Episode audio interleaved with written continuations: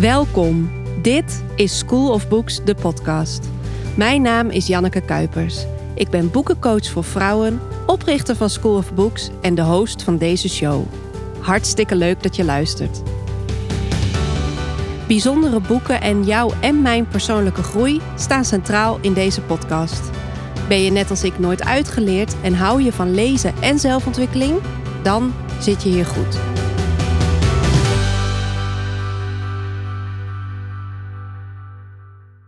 Hi allemaal, dit wordt een korte aflevering omdat ik hartstikke ziek ben. Gelukkig test ik vooralsnog negatief op corona, thuis en bij de GGD, dus daar ben ik dankbaar voor. Neem niet weg dat ik me heel erg benauwd voel en door de verhoging voel ik me ook behoorlijk wiebelig.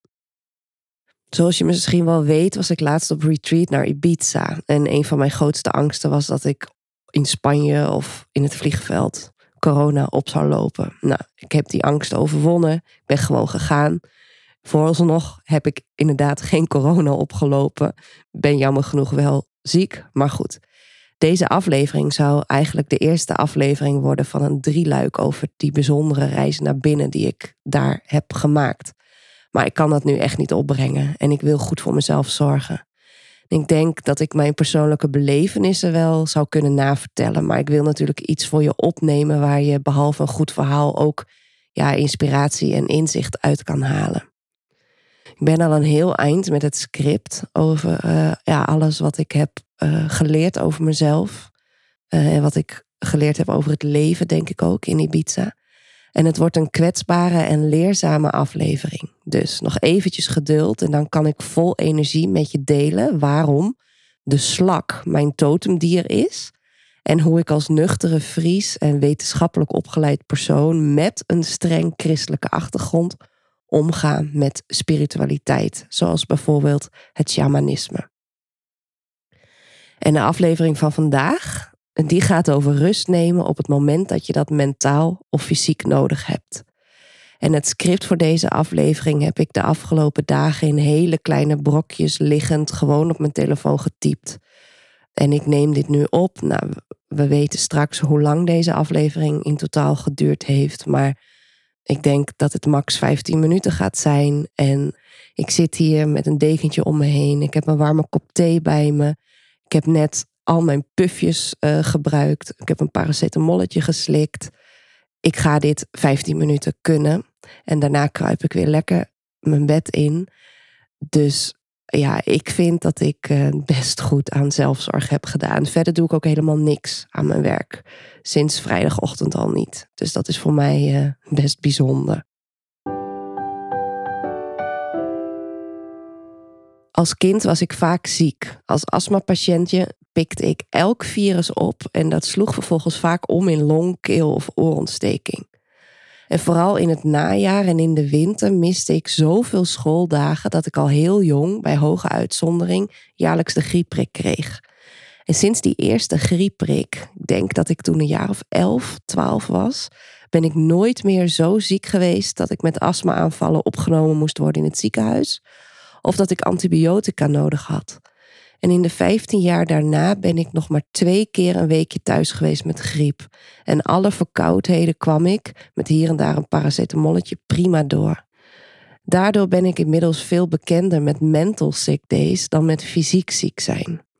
En vanmorgen realiseerde ik me dat ik inmiddels beter ben in alles loslaten en bijtanken als ik dat mentaal nodig heb, dan om rust te pakken bij een griep of verkoudheid of astmatisch gekwakkel.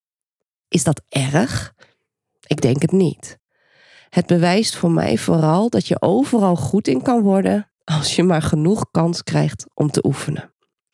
En het bewijst voor mij natuurlijk ook hoe overheersend en allesbepalend depressieve gevoelens, angst en paniek, eetgestoorde gedachten en getriggerde trauma's kunnen zijn. Want ik ben op dit moment bijvoorbeeld ontzettend benauwd. Ik heb verhoging, ik snuit mijn ongeluk, er zit een cactus in mijn keel.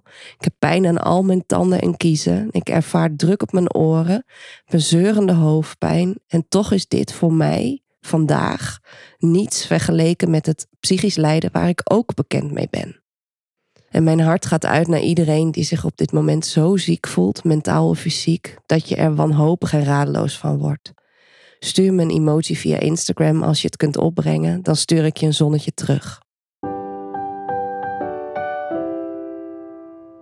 Je zou kunnen denken dat ik cynisch ben met mijn opmerking dat je blijkbaar alles kunt leren als je maar genoeg gelegenheid krijgt om te oefenen.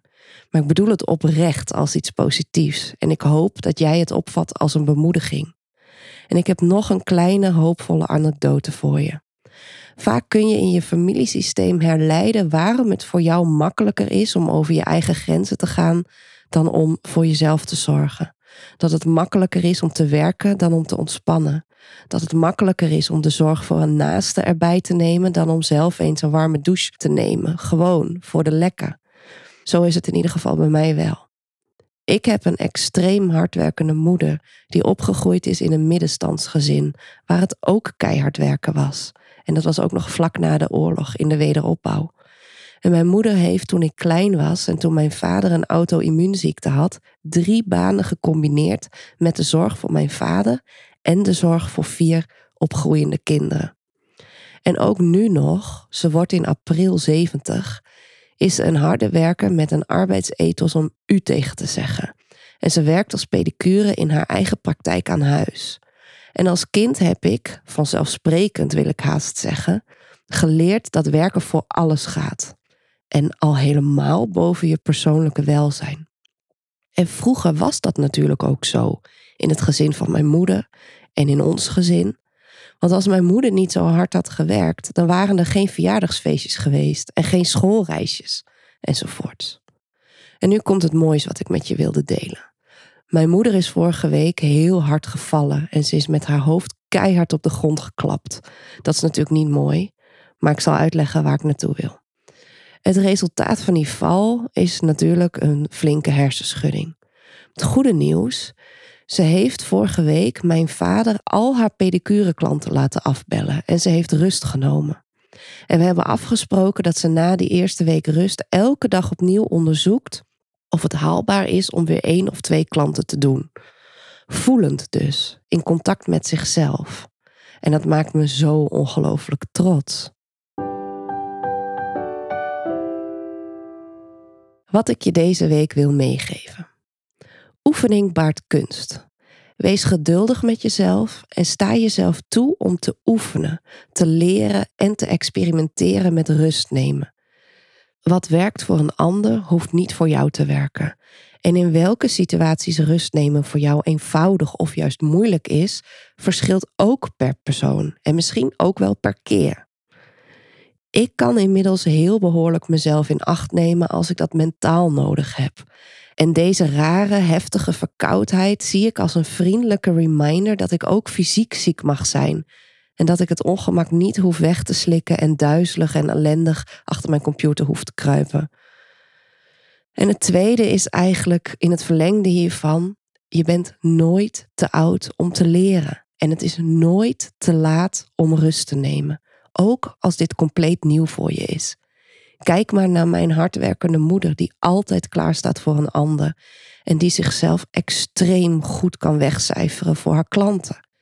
Ze is bijna 70 en ze heeft deze week misschien wel voor het eerst ooit een hele week rust genomen omdat ze voelde dat ze het nodig had. Ik heb vandaag en deze week vooral fysieke rust nodig, zodat al mijn energie naar het herstel van mijn lijf kan gaan. En dat werkt bij mij het beste door met gesloten ogen naar podcasts en luisterboeken te luisteren, liggend. Ik moet echt ja, helemaal horizontaal met mijn hoofd op een kussen liggen. Zodra ik half rechtop zit, hangend in de kussens met een telefoon in mijn hand, dan gebeurt er niet zoveel. Eigenlijk is dat alleen maar uitputtend. En dat luisteren naar podcasts en boeken wissel ik af met af en toe een serie of een online webinar of iets. Dat is mijn recept voor deze week. En wat voor soort rust zou jou vandaag goed doen?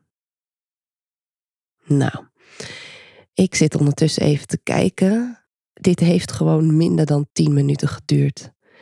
Ik hoop dat je het een mooie aflevering vindt, dat je er wat aan hebt dat het je lukt om even bij jezelf naar binnen te keren en te kijken wat je voor jezelf kan doen vandaag of deze week.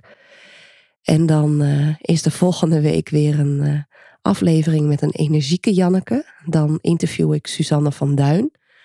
En dan de week daarna komt toch echt mijn Ibiza-verhaal online.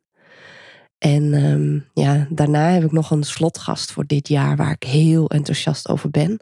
Maar dat verklap ik nog even niet. Dus heel graag tot de volgende keer. En heb een fijne dag. En gun jezelf vandaag iets waar je behoefte aan hebt. Tot de volgende.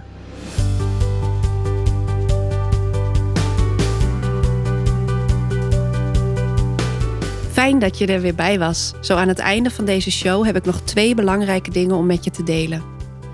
Deze podcast wordt beter vindbaar voor anderen als jij je abonneert. Ik wil graag zoveel mogelijk boekenliefhebbers en zelfontwikkelingsenthousiastelingen bereiken. En daar kan jij me bij helpen. Klik in je podcast-app op abonneer, volgen of op het plusje en je mist nooit meer een aflevering. Ook met een positieve review op iTunes of in de podcast-app van Apple doe je me een groot plezier. Het is en blijft bijzonder als luisteraars iets van zich laten horen. Wil je me laten weten wat voor les of inzicht je uit deze podcast hebt gehaald? Is er iets wat je raakte of heb je een boekentip? Stuur een mail naar janneke@schoolofbooks.nl of DM me via Instagram. Ik zal nooit iets delen zonder jouw toestemming, dus daar hoef je niet bang voor te zijn. Mijn volledige contactgegevens vind je in de show notes. Tot de volgende!